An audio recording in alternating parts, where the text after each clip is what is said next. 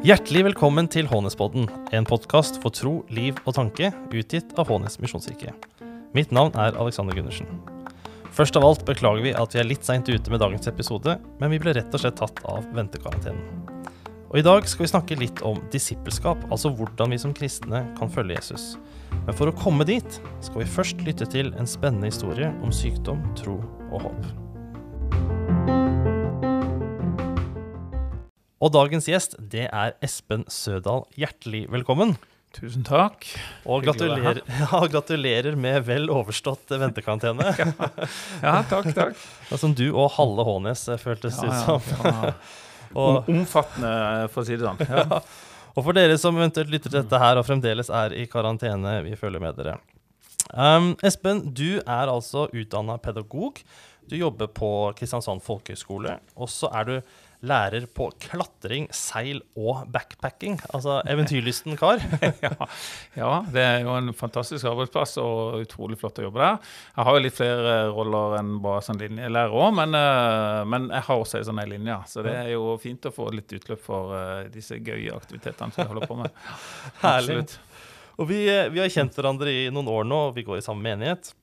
Og, og du er jo en type som har tenkt du er type, du er en mann som har tenkt mye og mye godt om disippelliv. Altså, altså hvordan vi kan følge Jesus. Og, og vi, skal, vi, kommer dit mot slutten av episoden, men, men først så skal vi få lov til å lytte litt til din historie. Ja. Og, så jeg lurte litt på om du kunne begynne fra, fra, fra, begynnelsen. og så kan du fortelle litt om oppveksten din. Du er jo en lokalgutt. Ja, veldig lokal. Jeg er jo uh, vokst opp på Hammersand. Ja. Faktisk uh, født i Tyskland, men uh, foreldrene mine flytta til, til, Norge. Min far hadde en jobb der, og så de, når jeg kom til til Kristiansand så var jeg tre år. Og så ja. har jeg egentlig bodd, eh, bodd mesteparten av livet mitt her. da. Og uh, oppvekst på Hammersand det er jo fint, det er jo ikke langt unna her. Nei. på Hånes. så uh, jeg føler meg jo veldig hjemme, mm. må jeg si det. Fin, fin, Vokst opp med fin kristen familie, flotte foreldre. med stor frihet til å prøve ut ting. vi bodde liksom oppe i skogkanten oppe på Monheia. Og så var det på en måte ja, tror vi begynte å kjøre biler når vi var tolv, og det var litt sånn uh, fri, fri uh, utfoldelse, egentlig. Så det var en fantastisk oppvekst. Ja, mm. Herlig. Og altså, familien din, var, var, var dere med i noe menighetsfellesskap eller noe sånt? Eller? Ja, absolutt. Foreldrene mine de gikk i statskirka, og vi var jo med ned på menighetshuset her og sånn. Og så var det jo litt mer sånn at når en ble litt eldre, begynte å kikke litt utover mot byen da, og så se litt på menneskelivet der. da. Ja. For at, altså, og, og ungdomstida, det, det, er jo liksom kanskje den tida som, som former oss mest da, som mennesker. Mm. Altså, og, men hvordan var den for deg, sånn, sett i sånn trosperspektiv? Ja, jeg hadde jo ganske tidlig en sånn erfaring at, eh, at eh, det fantes en gud. og altså, Hadde noen sånne opplevelser når jeg bare var sånn fem-seks år. og at, eh, at det, jeg kunne få noen bønnesvar og litt sånne ting. Mm. Men så vokser en jo opp, og så må en ta noen egne valg, og det er litt ja, en liten sånn søken etter de tinga, da. Så mm. Hva skal jeg si for noe? Det er nok kanskje sånn rundt 16-17-årsalderen dette virkelig liksom begynner å ta litt tak, da. Mm -hmm. så jeg kan si det sånn. Ja. Hvordan, hvordan, var det? Nei, vi, på Hammersand så var det jo av og til det var noen sånne teltmøter. Ja, da, okay. ja, som uh, Misjonsforbundet faktisk hadde. Ja. Det er lov å si at det er litt gammeldags? Er ja, er, er det ja, si? ja, jeg, jeg tror ikke det funker nå. det funker ikke nå. Men da funka det absolutt, eh, og, og, de hadde fått tak i en uh, ulike sånne uh, forkynnere. Som, vi fikk absolutt en touch av, av noe av dette uh, troslivet da. Også, men det var nok mer på gymnas og sånn, at en møtte mennesker som uh, hadde en sånn veldig brennende tro. da, mm. så, og Som en blir berørt av og får erfaringer med sjøl. Mm. Så vi var uh, en god del uh, ungdommer som fikk en sånn touch av Jesus og den type ting. da, Rett sånn, sånn 17-18-årsalderen. Spennende. Mm. Har du noen Så jeg har noen uh, historier eller eksempler. Altså, touch, touch av Jesus. Altså, når jeg er pastor, så jeg, jeg skjønner liksom litt hva du, hva du, sier. Men hvis det skulle være noen som hører på dette og ikke er kristne, ja. så, så, kan det være litt sånn Hva, ja, hva, i all verden er det for noe? Ja, hva er det? Nei, det er jo en uh, opplevelse av at det du leser eh, erfarbart, for å si det sånn. Altså ja. Du kan lese om andres historier om en oppstått Kristus, og så ja, kan gjøre noen erfaringer i sin, uh, i sin egen hverdag. da. Mm. Uh, 2000 år etterpå. Det er jo det er klart det er, jo, det er jo våre tolkninger. Vi opplever det mm. som at, det, at vi kan uh, ikke se, men uh, kanskje kjenne eller erfare et nærvær eller mm. noe i den gata der. Også, som gjør at den plutselig, så, når du da begynner å lese, så åpner liksom, teksten seg på en ny måte. og du, er liksom Ordene spretter litt ut av mm. ut av eh, denne fantastiske boka, da, som plutselig blir til liv. Så mm. du, du, har fortalt meg en hendelse hvor du var Dere var altså Denne ungdomsgjengen som, som dere var litt sammen og, og hadde en del sånn felles opplevelser sammen med, så var dere eh, det var seint på natta. så var det, du, du må fortelle om det. ja, jeg kan, nei, jeg kan ta og gjøre det. Uh, altså vi ble jo, Noen av oss ble jo veldig ivrige på å, å liksom få litt uh, fart i ungdomsmiljøet, og kanskje uh, var litt sånn også kanskje opplevde litt sånn at vi var litt irriterte på noen av disse kirkene i byen som var litt sånn trege. Og, og, sånn. og så var det en av disse gutta, jeg skal ikke nevne navn, men, men han ville gjerne at vi skulle ta oss og Eh, ta en runde på natta og be litt uh, foran disse på kirketrappa da, på ulike steder. Så vi havna da bl.a. utenfor Frikirka i Kristiansand. Og bare så det er sagt, vi elsker Frikirken oh, i Kristiansand. Love it. Ja. Jeg har gått i Frikirka i nesten 20 år. uh, så, uh, men i hvert fall så hadde jeg en sånn veldig spesiell opplevelse der at mens vi sto og ba, da At det Jeg følte egentlig at jeg fikk en, liksom en, hørte en stemme mm. eh, som sa at om 15 år Espen, så skal du stå her og undervise. Det vil si sitte. Og så skjønte jeg ikke helt hva det der eh, betydde, og sto liksom og klødde meg litt i huet. da. De andre hørte jo ikke noe av dette her, men eh, Og så, eh, og, så tenkte jeg sitte, liksom. Skal det skje noe galt? Ja, du skjønner det ikke nå, men du skal skjønne det da. Ja. Og eh, det gjorde liksom et kraftig inntrykk på meg der og da. Og så ble den liksom, historien holdt litt ved like av, av, eh, av noen kamerater. Det, ikke, ikke, det at det jeg hørte, men, men uh, mer det der at det, det, var så rart at vi sto der og, og holdt på på kirketrappa. Der, for det var jo liksom litt uh, crazy. Så, uh, men historien forsvant litt, litt, ut av livet mitt etter noen år, og så uh, dukka den opp igjen rett før. Fem, 15. Og vi, De 15 årene var gått. og vi, vi, vi, kommer dit. Mm. Men, eh, men det, skjer, det, skjer, det, skjer, jo noe, det skjer jo noe da, i disse, mm, ja. i disse 15 årene. Og fra du står på kirketrappa utenfor Frikirken, så spoler vi noen år framover. Du, mm. har, du er ikke lenger 18-19, men du er, du er blitt 30 ca. Du har gifta deg, fått ditt første barn. Livet smiler. Men så, men så skjer det noe. Ja, jeg har jo gifta meg med Tina. Fantastisk flott dame. Og vi har fått Hanna, og uh, det er mye fint, altså. Uh, da har vi flytta fra Bergen og ned til Kristiansand igjen. Og det er en, en, periode rett før der hvor jeg egentlig både jobber 80% og har et 100 studie. Sånn at jeg tapper meg nok litt for en del på mine håper jeg, kroppslige ressurser. Bare, bare litt, ja. Mm.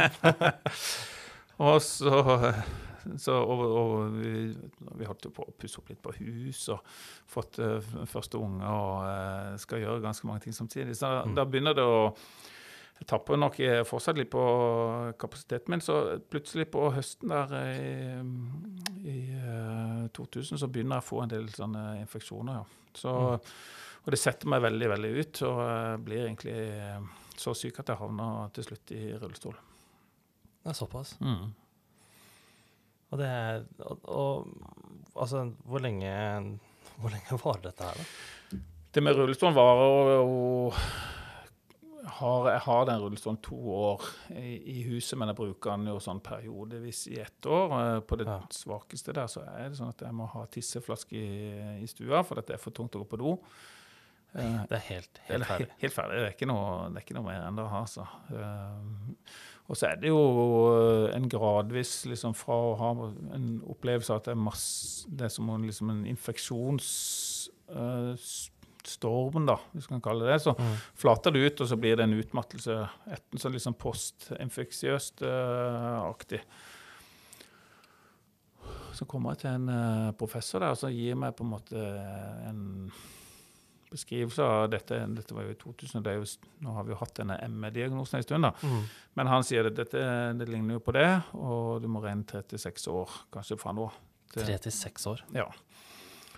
Uh, det er sånn totalt, da. Uh, og så uh, Ja, og det går jo mer, enn det for å si det sånn. Men heldigvis så, så har en kapasitet til å kanskje gå et par, par 300 meter og gjøre noe småting. Begynne å male litt. Gjøre, gjøre noe smått Ja. Det med arbeidskapasiteten tenker jeg på kanskje 5 da. Noe sånt. Ja, en, eh, det er ganske, mm. ganske mm. ekstremt. Ja, det var, var ikke mye futt da. Hva, hva, hva gjør liksom en sånn en periode altså, ikke, Periode høres jo altfor lite ut, da, men uh, tid altså, hva, hva, gjør alle disse årene som syk? Altså, hva gjør de med, med, troen din? Ja, det er et godt spørsmål. Det blir jo en uh, Det blir jo en krise i forhold til flere ting, da. Det ene er kanskje ikke det er ikke noe troskrise i den forstand at det er om Gud finnes eller ikke, men det er jo med altså mm. Hvor er Gud da midt oppi en sånn type eh, ja. situasjon? Men jeg hadde jo en Rett før eller akkurat idet jeg ble syk, så hadde jeg en veldig sånn en, en uh, spesiell lengsel etter å, å, bli enda bedre kjent med, med Jesus. og hadde jo en sånn en bønn om at nå vil jeg bli kjent med det, koste hva det koste vil. Altså sånn rett i starten der. Mm. Så, så, det var jo ikke Hva skal jeg si for noe? Det var ikke en sånn torskrise på, på, Guds eksistens i det hele tatt. Men, mm. men uh, det som skjer, er jo at det blir en krise for familien. Det blir en krise for meg. Uh, det blir jo en krise for uh, Ja, selvfølgelig for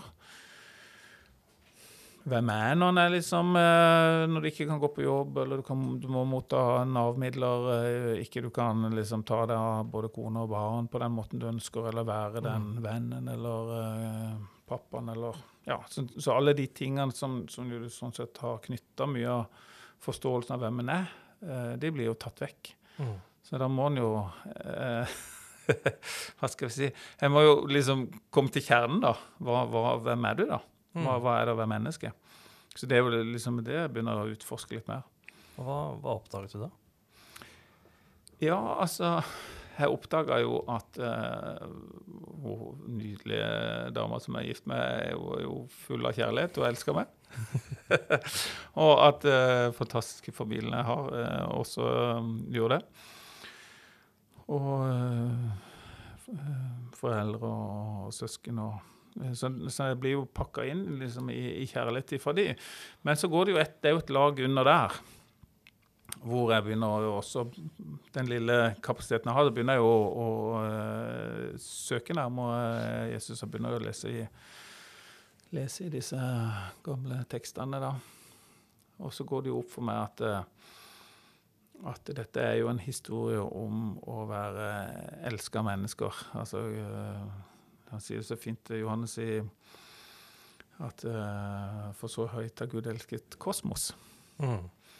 Så hele, hele, på en måte, hele skaperverket er på en måte inkludert, inkludert der. Og da skjønte jeg at det, eh, da er jo faktisk jeg også der. og så får jeg jo en erfaring av at det jeg egentlig møter her da, i den når jeg treffer betonggulvet, da, hvis jeg kan kalle det det, mm så er det at det er et uh, elska menneske, og ikke en human, do, en human doing, men en human being. Ja. Hvis jeg kan si det sånn. Mm. Nydelig, nydelig, Espen.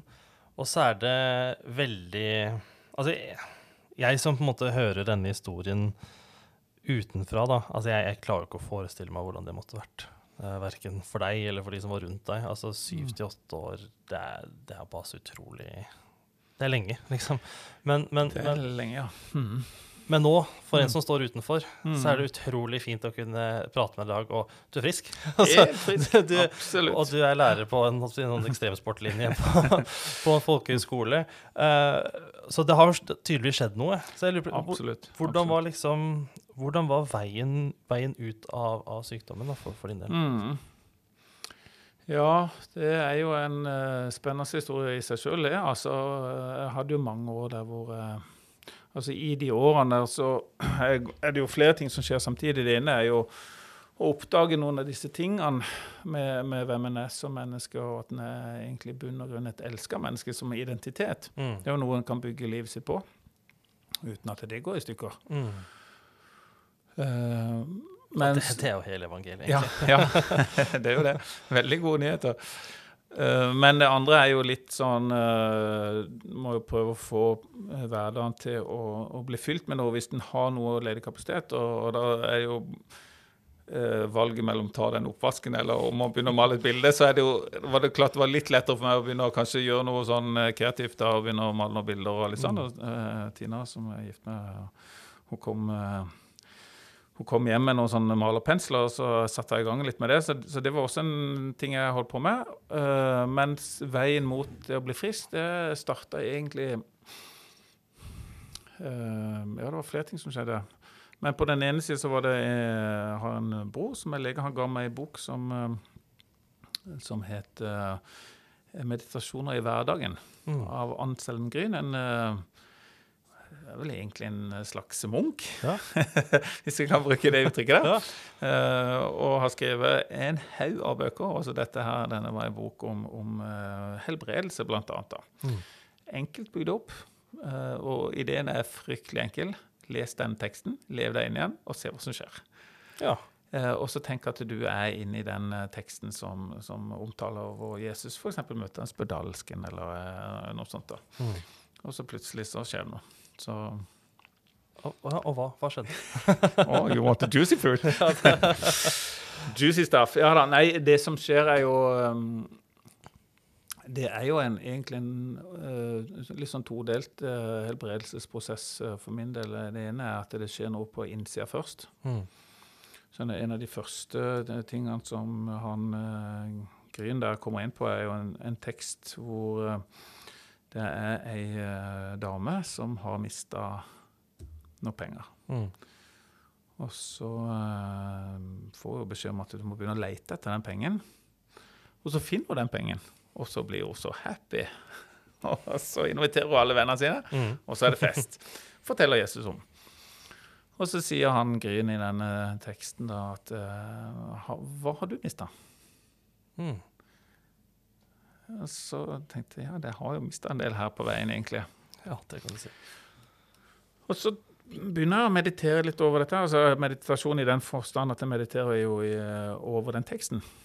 Tenker over den teksten, lever meg inn i den teksten. Så skjer noe veldig rart som jeg egentlig ikke har opplevd så veldig mange ganger. Men plutselig så ser jeg en slags film for mitt indre øye. da. Mm. Og jeg, er fysisk inne i stua i Havreveien 82, eh, som vi bodde da. Eh, og Ehm, ser på en måte stua som jeg er i, men så opplever jeg at det er en skikkelse der uh, som jeg ikke, Jeg kan ikke se ansiktet, men jeg skjønner at det her uh, er sannsynligvis Jesus. um, og så blir jeg invitert til å ta turen ned i kjelleren. Og så går jeg ned trappa sånn som man ser ut i, i, det huset som vi bor. Men når jeg kommer ned i den kjelleren i denne filmen, da, mm. så er det en annen type kjeller enn det vi faktisk hadde. Det var en, en sånn litt sånn mørk eh, kjeller med litt sånn sur eh, mm. lukt. Og, og eh, der sto eh, seilbrettet og klatreutstyr og telemarksskiene og alle gøye tinga jeg holdt på med tidligere. Og så er det som Jesus sier til meg, nå skal vi ta og rydde her i denne kjelleren. Mm. Så han, i det så ser jeg for meg at han går og åpner opp døra i den kjelleren. Og så får han meg til å begynne å rydde. Og vi hiver ut absolutt alt ut på, ut på plena, liksom. Og så uh, ligger det igjen en liten ting. Mm.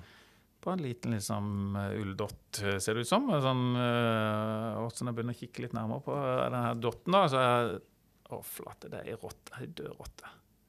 Oh, I just hate it. ja, det skal ikke holde det mot deg. og så sier jeg nå må du ta den også. Og jeg tar på meg liksom sånne gule vaskehansker i denne her eh, i denne, Vernebriller og ja, ja. Og idet jeg liksom skal ta og gripe han, så våkner han til liv og blir som et stort monster. En sånn uh, 3D-monster liksom, som du mm. kan se for deg på sånne filmer. Og jeg blir helt satt ut. Og jeg kjenner liksom den frykten bare jokk, setter seg liksom i, i, brystet på meg. Og så så tar uh, Jesus bare bort handa si, og så vifter denne vekk. Og så, så forsvinner det liksom ned til den vanlige eh, rottestørrelse, og så piler denne rundt i huset, og så løper han ut av døra. Ja. Eh, og så er jeg bare eh, Og jeg skjønner jo at dette er jo et bilde på min frykt. Det er jo min store frykt for å ikke bli frisk, eller det der tapet, alt, alt det vonde, liksom. Mm. Det er litt sånn skjulte som har ligget under driten der, da. Mm. Eh, som Jesus da egentlig begynner å helbrede eh, først, da. Utrolig, utrolig spennende. Og, og, på en måte herfra og utover så er det en sånn gradvis forbedring? Altså, det, Nei, ja, det, det, er ja. sånn, det, er ikke sånn, øyeblikkelig Nei, det, altså det som skjer da, er at uh, dette var jo dag én liksom, i denne tolv meditasjonsdager-boka. Uh, så kommer jeg til dag tre, syns jeg husker. Og der er det en historie om den uh, spedalske da, som kommer til Jesus. Og så er det en historie som jeg egentlig har holdt litt sånn opp foran Jesus i disse syv årene. Altså, det står jo så kjekt liksom, uh, om han her spedalske at uh, han kommer til Jesus og sier om du vil, så kan du gjøre meg frisk. Og jeg sier jeg vil bli frisk. Og så var han frisk. Ja, så enkelt kan det gjøres. um, så jeg følte jo at jeg var liksom i syv år i den der fasen hvor han ligger på kne liksom, og, og mm. spør om å bli frisk, og så kom ikke liksom svaret. Eh, bli frisk, det hørte jeg ikke noe om. mm. Eh, det var mer en sånn opplevelse ja, men de ti kommer. Eh, men på den her dagen så tenkte jeg flott, jeg gidder, ikke å bruke en dag på den der historien. For den der har jeg holdt på med i syv år, og ikke skjedd noe som helst. Det, mm. sorry, liksom. Jeg gidder ikke. Jeg var ordentlig pottesur. Ja, det, det skjønner jeg. Men så satt jeg liksom og har vært sur jeg vet ikke, x antall minutter. Og så tenkte jeg ja, flatt, jeg skal, hva, hva, annet kan jeg holde på med, da? Mm. OK, da. liksom, Så tok jeg den historien. også. skjer det noe veldig veldig uforklarlig rart. altså, Men plutselig er det som om hele rommet er fullt av bomull. Altså sånn uh, pokker rundt meg. Jeg liksom fysisk kjenner at det, Oi, nå skjer det et eller annet her. Det er som om Jesus sjøl er der. Jeg kan ikke se han eller noen ting. Det, mm. det, det var bare helt pakka med nærvær. Og så er det som å få liksom sånn hviske Men uh, nå er tida kommet. Fantastisk. Ja. Og jeg legger meg ned på bakken og knekker liksom bare sammen og bare sagt jeg har vært så redd. Liksom, så fikk jeg grått ut hele den der uh, frykten som var der et par dager før, som jeg liksom mm. vis, ble visualisert for meg. da. Uh, og så legger jeg meg på sofaen, og så det er som om det går liksom en elektrisk kraft gjennom hele kroppen, og jeg føler jeg blir operert. Uh, og så får jeg en sånn tanke I dag skal du gå til barnehagen. Det var en kilometer. Kapasiteten min var egentlig veldig veldig mye lavere. Det var liksom noen hundre meter. Og de gangene jeg hadde prøvd uh, veldig mye utover det, så ble det ofte liksom en to-tre måneders periode med å, å, prøve å komme seg tilbake til samme 200-300 meters nivå. da. Mm. Uh, så det var liksom litt sånn risky. Men um, kortversjonen at jeg kom meg til barnehagen den, den, dagen ved hjelp av både noen hyggelige hjelpere underveis, og, og, så, og, da kunne jeg begynne å trene meg opp igjen uten å få noe tilbakefall. og det gjorde jeg i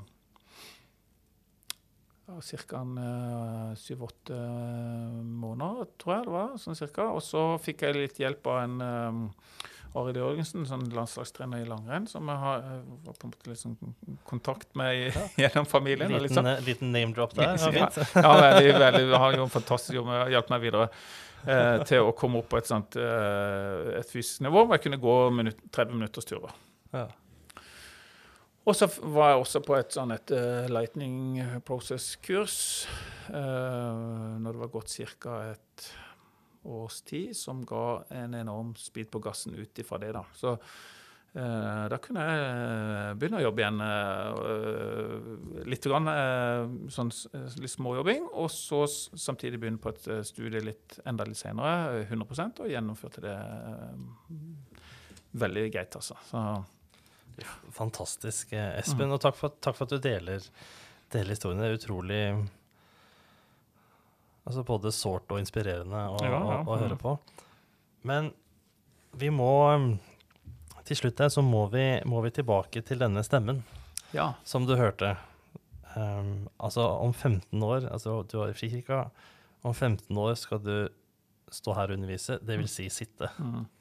Hva, ble det noe av det, eller, eller kokte ja. det liksom bort i, bort altså det, i sykdommen? Ja, altså det som skjedde når jeg ble syk, da, så begynte jeg denne litt sånn prosessen med å søke Gud, og kan ikke du bruke meg, og eh, litt sånn, og jeg sitter jo her. Mm. Og så Øyvind Augland, som er jo sånn en menighetsplanter um, som faktisk bor på Nes, og mm. uh, uh, Pastor i Hånes kirke? Ja, ja, ja, veldig flott kar. Og han han uh, sa at du skal ikke være med og starte opp et lite sånn et, uh, kurs da, for uh, folk. Ja, jeg, har ikke noe kapasitet, men jeg kan prøve å tenke ut noe. Mm. Og så datt det liksom ned i meg at jeg skulle bygge det ut i form av Matteus og at vi kunne kombinere dette med mye av denne hensiktsdrevet menighet som han Rick Bourne har uh, utvikla. Mm kombinert med litt andre eh, inspirasjonskilder også, da. Så da ble det et sånn et uh, femmodulskurs gjennom Matteusevangeliet som, som uh, har egentlig rusla godt i Frikirka siden uh, 2000 tre. Ja. 15 år. og dette, dette, er et kurs som heter dette er 40 dager. Ja. Og hvis du har lyst til å mm. lese mer om det, så kan du gå inn på 40dager.no. Det er nytt kurs eh, i august, om eh, måte, det blir mulig å gjennomføre med alle ja, det det. Mm. retningslinjer som er. Men, men um, fra august til 2021. Mm. Um, men det er også et kurs som er liksom en introduksjon til livet med Jesus. Altså et mm. disippelkurs, mm. egentlig. da, Der man der man følger de første som fulgte Jesus, ja. altså disiplene. Mm, ja, Han blir liksom tatt med litt i den historien. Det er noe med å ha en sånn narrativ du følger, ikke bare ha temaer, men å ha en narrativ å, å følge, sånn at du liksom blir med, blir med det Du kobler litt på, da, litt sånn som han Selden Green uh, inviterer oss inn til, for at han kan uh, gjøre noe med oss uh, og vise oss hvem han er, og vi kan oppdage litt av Guds store kjærlighet til verden. Og jeg tenker Det er jo noe av kjernen i disippelskap. Altså, jeg, jeg, jeg er pastor, jeg er nok òg litt sånn altså, naturlig anlagt. Altså, jeg, jeg, søker veldig fort til liksom, undervisningen, da. Mm. Og så kan nok liksom eh, altså nedprioritere altså, praksisen eller mm. erfaringen, da. Mm. Altså, altså min sin naturlige utrustning er å er å søke til liksom det, det, lærende, ja, ja. altså ikke mm. like mye det opplevende. Ja, ja, mm. Og, men, tenker, men, det du beskriver, er jo, er, det er jo på en måte kjernen i å være en disippel. Det er ikke å sitte på skolebenken og få inn masse informasjon som man liksom senere skal testes på, nei, på en nei, prøve eller noe. Men, men, det er å altså, bokstavelig talt følge. Altså, mm. gå mm. etter, lære av, oppleve sammen med, med Jesus. Ja, og det er jo, en kan jo stille seg sjøl spørsmål i forhold til det der med hva, hva, hva, hva betyr egentlig, egentlig, ordet disippel? Og, og uh, det betyr egentlig bare elev. Mm. Så, og, og, men hva betyr elev, da? ja, altså det ordet uh, elev kommer egentlig av uh, et ord som heter elevere. Og da hørte jeg kanskje på elevator. og da, jo, da, skjønner jo tanken om at det er noe som løfter deg opp. Mm. Og, og, det er jo egentlig det Jesus gjør. Han løfter jo mennesker opp. Mm. Uh, men mot hva? Og, og, det er jo det er kanskje den store oppdagelsen uh, innenfor veldig mye av sånn ulike kristne tradisjoner, er jo at uh, i hvert fall i den kontemplative tradisjonen er sånn, opptatt av dette med å bli mer Kristus-lik. Og, og, hvis du skal bli det, så hva, ja, da må du i hvert fall kjenne litt til den historien om han. Mm.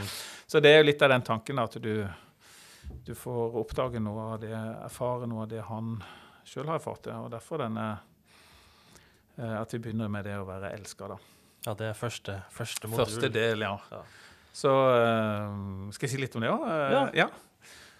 Altså det er jo, Hvis, hvis en liksom har, har, litt kjennskap til den historien, så har i hvert fall i Matteusevangeliet, som vi brukte, bruker som sånn mal, da, så ser du at det, du får litt om oppveksten og litt om eh, barndommen. Og så møter du han uh, crazy døperen Johannes, mm -hmm. og så skjer det noe med Jesus. Uten at han har gjort noe som helst, egentlig. noe han har ikke begynt ennå, liksom. liksom. Begynt enda, men så får han en voldsomt sterk erfaring av Guds kjærlighet. Guds fars kjærlighet. 'Du er min sønn, den elskede. Jeg har min glede.' Mm. Der begynner det. Og det er vel kanskje der det også begynner med all kristen tjeneste, mm. tenker jeg. Altså Vi må ha på en måte både den troa på at det er sant, at det ikke bare gjelder eh, Jesus, men at det også gjelder eh, alle mennesker. Og det mm. er jo egentlig litt av det vi finner i i de uh, fire evangeliene forteller om denne kjærligheten, og som Paulus sjøl erfarer og forteller om, og mm. beskriver at Gud elsker ikke bare jøder, men alle menneskegrupper og folkeslag og stammer og nasjoner. Og, uh, så det gjelder på en måte hele den globale verden, da. Ja, det er liksom en nøkkel til Eller på en måte, ja, utgangspunktet for disippelliv, utgangspunktet for et liv der vi prøver å følge etter Jesus nå, mm. altså 2000 år etter at uh, mm. folk først begynte, mm. begynte, med det, er liksom den si, ikke, ikke bare teoretiske kunnskapen Nei. om at jeg er elsket, men nå opplevelsen, erfaringen mm. av det. Altså mm. Jesus fikk det når han, når han, ble døpt, som du mm. beskrev, og, og liksom himmelen åpnet seg, og sant, Den hellige ånd kom ned som en due, og, og, denne stemmen som sa 'Dette er min sønn', eh, dette er min sønn, den elskede sånn som du beskrev at du opplevde det liksom da det mm. var skrap til betongen. Ja, ja. ikke sant? Mm. opplevde hva, hva, er det som, hva er det som er igjen? Mm. Jo, det er et elsket menneske. Eller som mm. Paulus opplevde på vei til Damaskus. Så vi kan lese om i apostlenes, uh, apostlenes gjerninger. Jeg tenker det jeg, ja, jeg tror det var så, så godt sagt, Espen, ja, at, jeg, at, jeg, tror vi avslutter der. at, eh, at disippelliv, det begynner med å være elsket. Vi eh, avslutter hver episode med en dagens anbefaling fra, fra, gjesten vår. Og det kan være liksom noe, noe, lett og ledig eller noe litt mer tungt og seriøst. Men, eh, men, en anbefaling som gjør godt, Espen. Hva er din anbefaling? Ja, Nå har jo vi et lite prosjekt her i kirka hvor vi prøver å tråkle oss gjennom Nyttestamentet. Nytestamentet. Og mm. med, jeg, jeg, tror jeg har ramla av og til liksom litt innimellom i, i starten. Men vi skal i hvert fall si. Ja, vi skal i hvert fall prøve oss nå igjen med Johannes evangeliet. Ja. Og da har jeg lyst til å anbefale den boka. Altså, det er ei fantastisk bok. Eh, og eh, noen mener sågar at det er kanskje en av verdenslitteraturens store perler, eh, Johannes evangeliet. Og det har såpass dype tanker og så mye spennende i seg at det er i stand til å forandre folks både forståelse av seg sjøl og verden og i det hele tatt. Så det, det er en bok jeg tror jeg har lyst til å anbefale folk å lese. Johannes evangeliet. Ikke småtteri. Du, tusen takk for, eh, for praten og mm. for anbefalingen, Espen. Da sier vi takk for nå. Vi snakkes.